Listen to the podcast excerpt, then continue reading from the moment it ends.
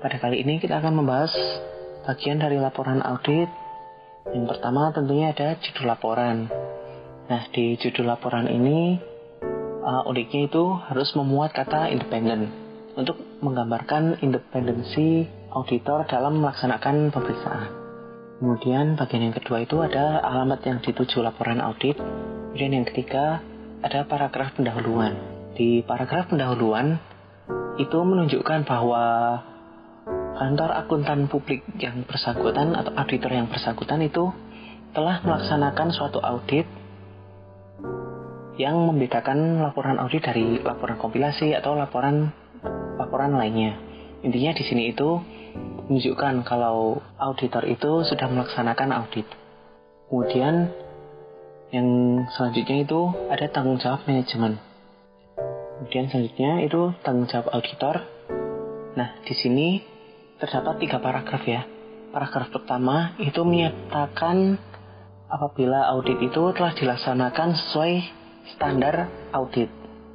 Kemudian paragraf kedua itu menguraikan tentang ruang lingkup audit yang diperiksanya. Kemudian paragraf yang ketiga itu um, menunjukkan auditor yakin bahwa bukti audit yang tepat dan mencukupi itu telah diperoleh untuk mendukung pendapat yang dikeluarkan auditor. Kemudian ada paragraf pendapat atau paragraf opini. Nah, di sini um, terdapat opini auditor. Nah, jadi setelah bukti-bukti dikumpulkan, dievaluasi, dibandingkan dengan kriteria yang telah ditetapkan, akhirnya auditor mengeluarkan opini terhadap penyajian laporan keuangan ini. Bagian ini merupakan bagian yang penting ya dalam laporan audit. Kemudian ada nama dan alamat akuntan publik. Nah, nama di sini itu mengidentifikasi kantor akuntan publiknya atau praktisi yang melaksanakan audit. Nah, ditulis kantor kenapa? Karena seluruh bagian kantor itu mempunyai tanggung jawab hukum dan profesional untuk memastikan kualitas audit itu sudah memenuhi standar yang profesional. Kemudian ada tanggal laporan audit. Nah, tanggal ini dicatat pada saat auditor itu sudah menyelesaikan prosedur audit di lokasi pemeriksaan. Nah, kemudian ada standar audit. Standar audit itu apa sih? Ya, standar bagi auditor ya. Jadi dia itu merupakan pedoman bagi auditor dalam melaksanakan tugasnya atau memeriksa atau tanggung jawab profesionalnya gitu lah. Standar audit ini banyak banget ya. Namun secara garis besar itu dibagi menjadi tiga, yaitu standar umum, standar pekerjaan lapangan, dan standar pelaporan. Nah, yang pertama, standar umum. Ini masih berkaitan dengan hal-hal yang umum dalam audit ya.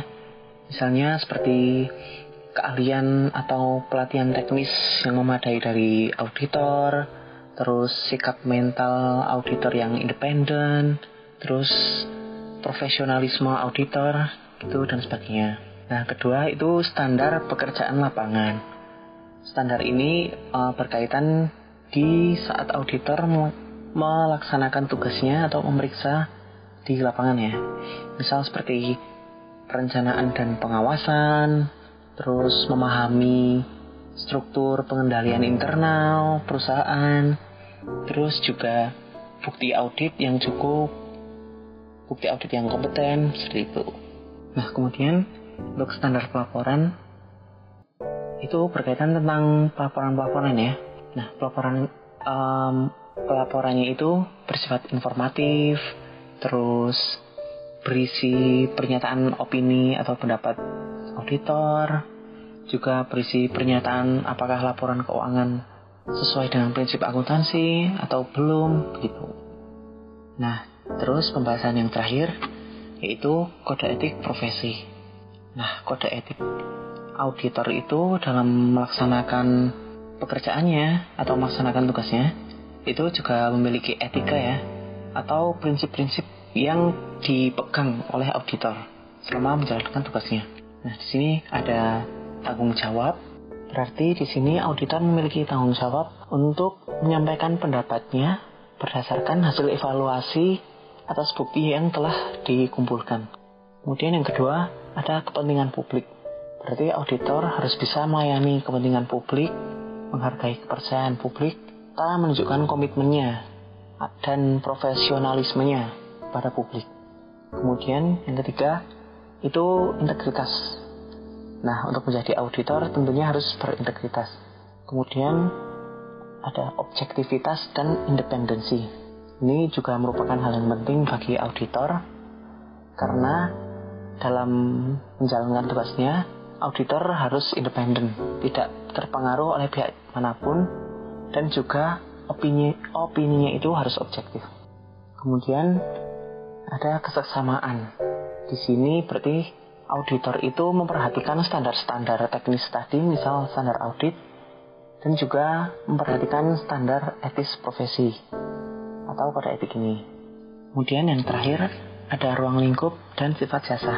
Nah, di sini berarti um, auditor itu memiliki ruang lingkup dan sifat jasa yang harus diperhatikan ya, berdasarkan prinsip kode perilaku, perilaku profesionalnya. Nah, sekian aja pembahasan kali ini. Semoga bermanfaat. Selamat belajar dan terima kasih.